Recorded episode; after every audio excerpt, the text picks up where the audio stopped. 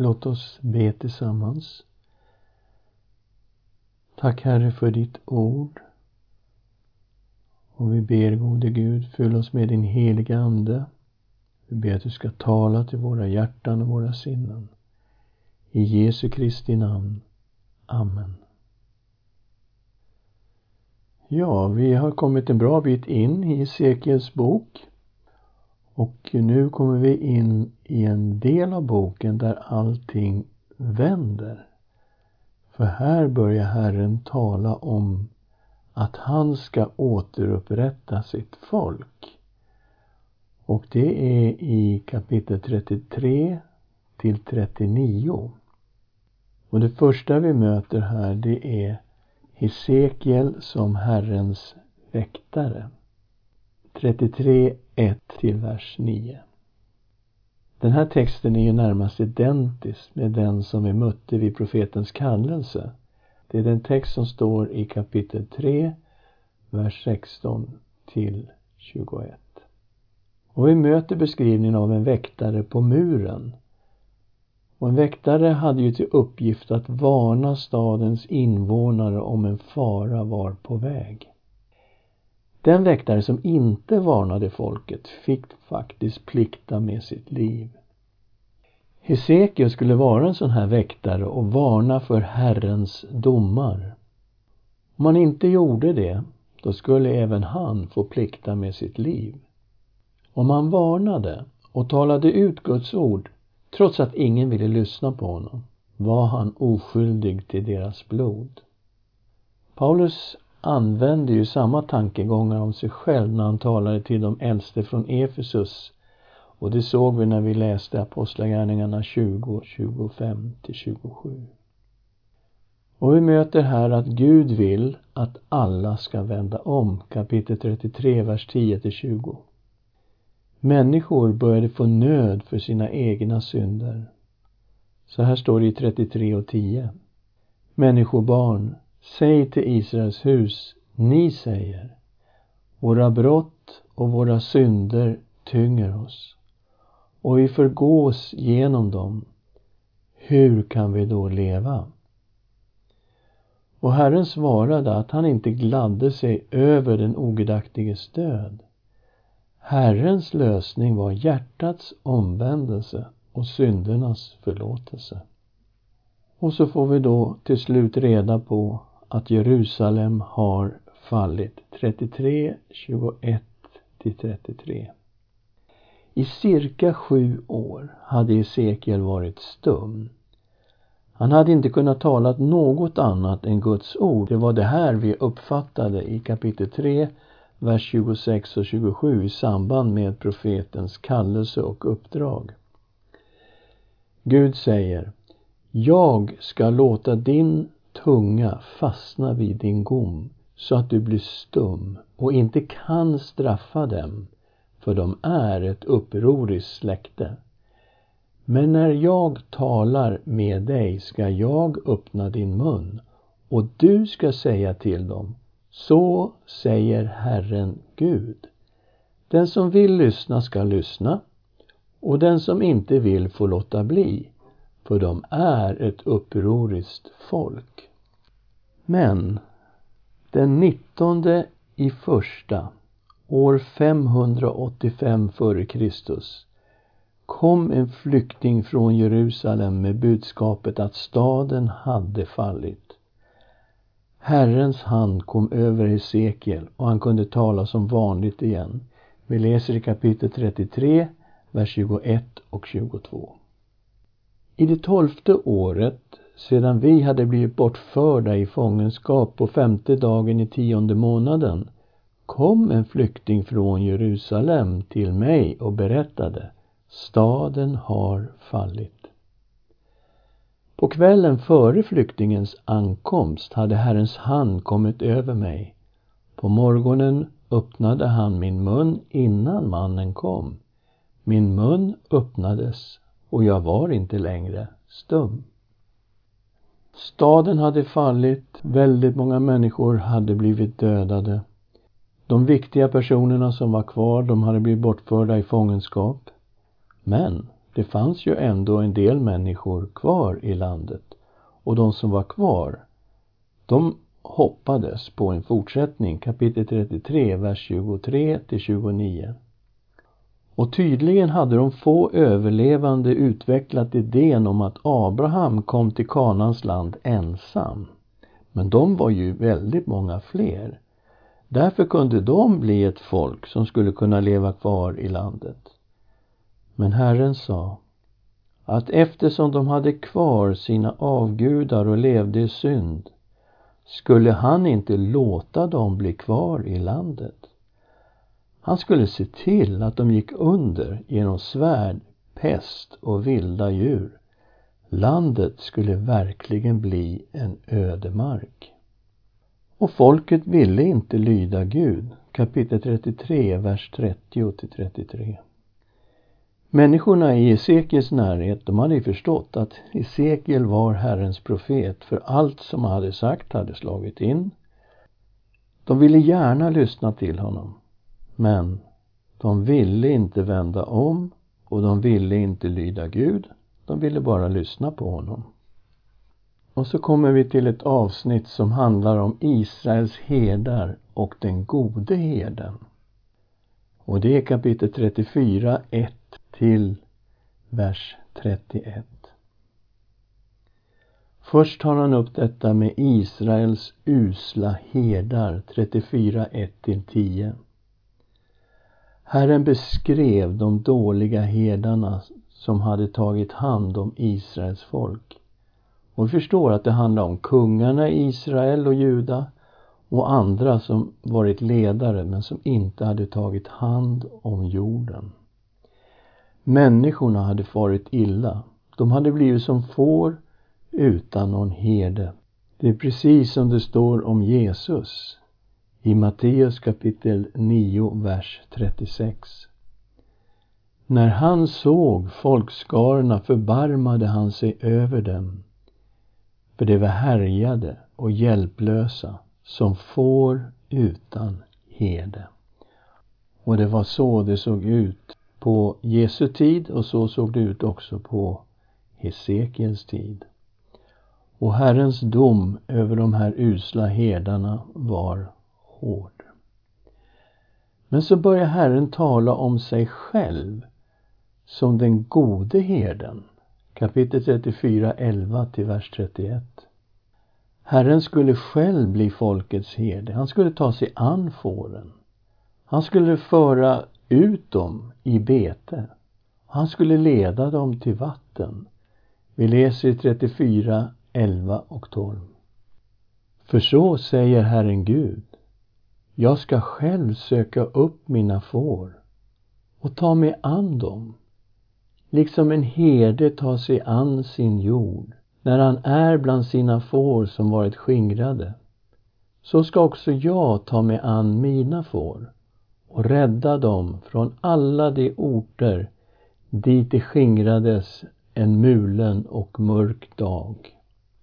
Och så fortsätter han och berättar hur han ska ta hand om fåren.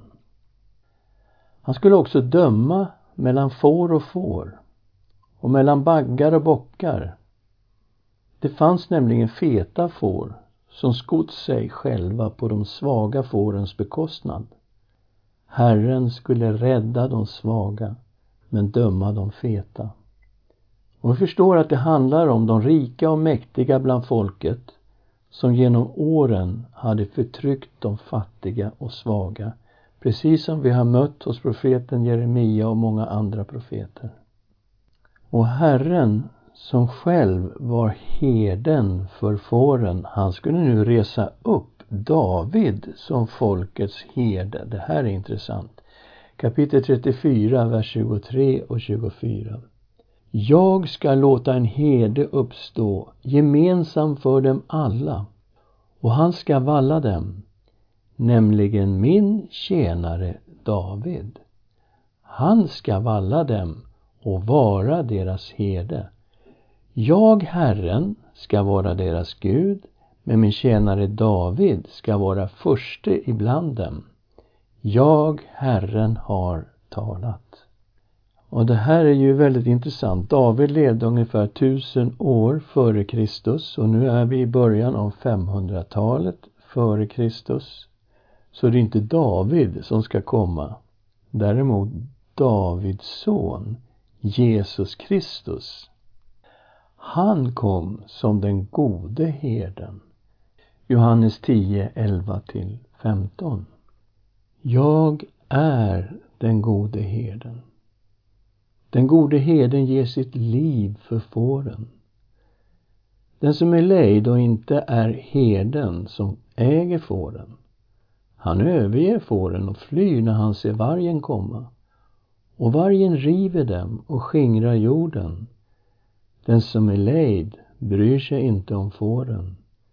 Jag är den gode herden.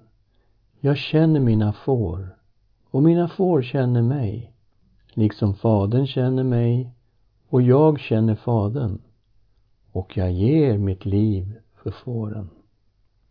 Ja, Jesus, han som var Davids son, han var verkligen den gode herden för Guds får. Men han var inte bara det, han var ju också Herren själv. Och den kopplingen ser vi ju i Nya Testamentet. I Johannes 1 och 1 läser vi I begynnelsen var Ordet och Ordet var hos Gud och Ordet var Gud. Och vi vet ju här att Ordet står för Jesus Kristus. Vi kommer till vers 14. Och Ordet blev kött och bodde ibland oss och vi såg hans härlighet, en härlighet som den enfödde har från Fadern och han var full av nåd och sanning. Så han var Gud som blev människa. Och vid Jesu födelse hör vi ängelns ord till herdarna i Lukas 2 och 11. Idag har en frälsare fötts åt er i Davids stad. Han är Messias, Herren. Så han var den gode herden, men han var också Gud som kom som människa. Han är Messias, Herren. Om vi läser vidare i Sekel kapitel 34 så ser vi att Herren skulle sluta ett nytt fridsförbund med sina får. 34, 25 och 26. Jag ska sluta ett fridsförbund med dem jag ska göra slut på vilddjuren i landet så att man tryggt kan bo mitt i öknen och sova i skogarna. Jag ska låta dem själva och landet runt omkring min höjd bli till välsignelse. Jag ska låta det regna i rätt tid, regnskurar av välsignelse. Så när vi hör att Herren här också lovar att han ska sluta ett fridsförbund med dem. Och då hör vi också löftena om det nya förbundet som vi läste om i Jeremia kapitel 31, vers 31 till 34. Se, dagar ska komma, säger Herren, jag sluter ett nytt förbund med Israels hus och med Judahus inte som förbundet jag slöt med deras fäder på den dag då jag tog deras hand och förde dem ut ur Egyptens land. Förbundet med mig som de bröt, fastän jag var deras rätte herre, säger Herren. Nej, detta är förbundet som jag efter denna tid ska sluta med Israels hus, säger Herren. Jag ska lägga min lag i deras inre och skriva den i deras hjärtan. Jag ska vara deras Gud och det ska vara mitt folk. Då ska de inte mer behöva undervisa varandra, ingen sin bror och säga Lär känna Herren. Alla ska känna mig, från den minste av dem till den störste, säger Herren. För jag ska förlåta deras missgärningar och aldrig mer minnas deras synder. För en djupare kommentar hur vi hedningar skulle kunna ha del i det här nya förbundet som Gud ska sluta med Israels hus. Ja, då hänvisar jag till kompendiet över Jeremias bok, sidan 30 till 32, där vi fördjupar oss just i det nya förbundet och hur det är kopplat till det nya förbundet i Jesus Kristus. Så, Herren skulle göra ett nytt förbund. Han lovade att han skulle bryta sönder slaveriets ok och befria sina får. Vi läser 34, 27 och 28. Träden på marken ska bära sin frukt och jorden ska ge sin gröda och själva ska de bo i landet. De ska inse att jag är Herren när jag bryter sönder deras ok och räddar dem från de människor som har hållit dem i slaveri.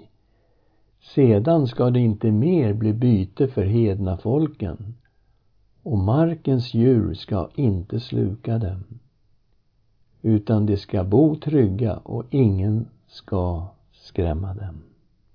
Och naturligtvis så handlar det här i ett kortare perspektiv om Israels folk som en dag skulle befrias ur fångenskapen och föras tillbaka till landet. Absolut. Men samtidigt ser vi i det långa perspektivet tydliga profetier som uppfyllts i Jesus Kristus. Är det så att vi har blivit befriade ifrån slaveri? Ja, vi ska läsa om det. Första Petrusbrevet kapitel 1, vers 18 och 19. Ni vet ju att det inte var med förgängliga ting som silver eller guld som ni blev friköpta från det meningslösa liv ni ärvt från era fäder. Nej, det var med Kristi dyrbara blod, som är blodet av ett lamm utan fel och brist. Så, på den tiden så fanns det många slavar i romarriket. Det var en mycket vanlig företeelse att man kunde friköpa slavarna och ge dem frihet. Och det är den bilden som Petrus tar här. Men det är ju inte med silver och guld vi har blivit friköpta. Nej, vi har blivit friköpta med Kristi dyrbara blod. Och det är ju så att priset på en vara säger någonting om varans värde. Och hur mycket värda är vi då inte för Gud när vi har blivit friköpta med Kristi dyrbara blod? Vi ska också läsa ifrån Kolosserbrevet kapitel 1, vers 13 och 14. Han har frälst oss från mörkrets välde och fört oss in i sin älskade Sons rike. I honom är vi friköpta och har förlåtelse för våra synder.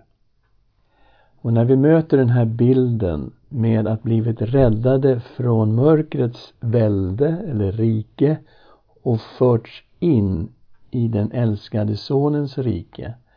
Ja, då finns det i Bibeln hela tiden detta med att Herren hade befriat sitt folk från slaveri i Egypten och fört dem till löfteslandet. Det är det som ligger bakom här. Gud har frälst oss. Han har räddat oss från mörkrets välde. Och han har fört oss in i sin älskade Sons rike. Guds rike, där Jesus är kung. I honom är vi friköpta. Vi som en gång levde i slaveri och har istället fått förlåtelse för våra synder. Så vi ser tydliga paralleller när vi tittar in i Nya testamentet på hur Gud har befriat oss från fångenskap och hur han har köpt oss fria från slaveri. Herren skulle välsigna och beskydda dem. Han skulle vara deras Gud, han skulle vara nära dem. Hesekiel 34, vers 30 och 31. De ska inse att jag, Herren, deras Gud, är med dem och att det, Israels folk, är mitt folk, säger Herren Gud. Ni, mina får, den jord som jag för i bet, ni är människor och det är jag som är er Gud, säger Herren Gud. Ska vi be tillsammans. Tack Herre för dina löften som gick i uppfyllelse i ditt folk Israel när du befriade dem från fångenskap och förde dem tillbaka till landet. Tack Herre att du lovade att du skulle vara folkets herde och ta dig an dem. Du lovade att du skulle sända David som deras herde och kung.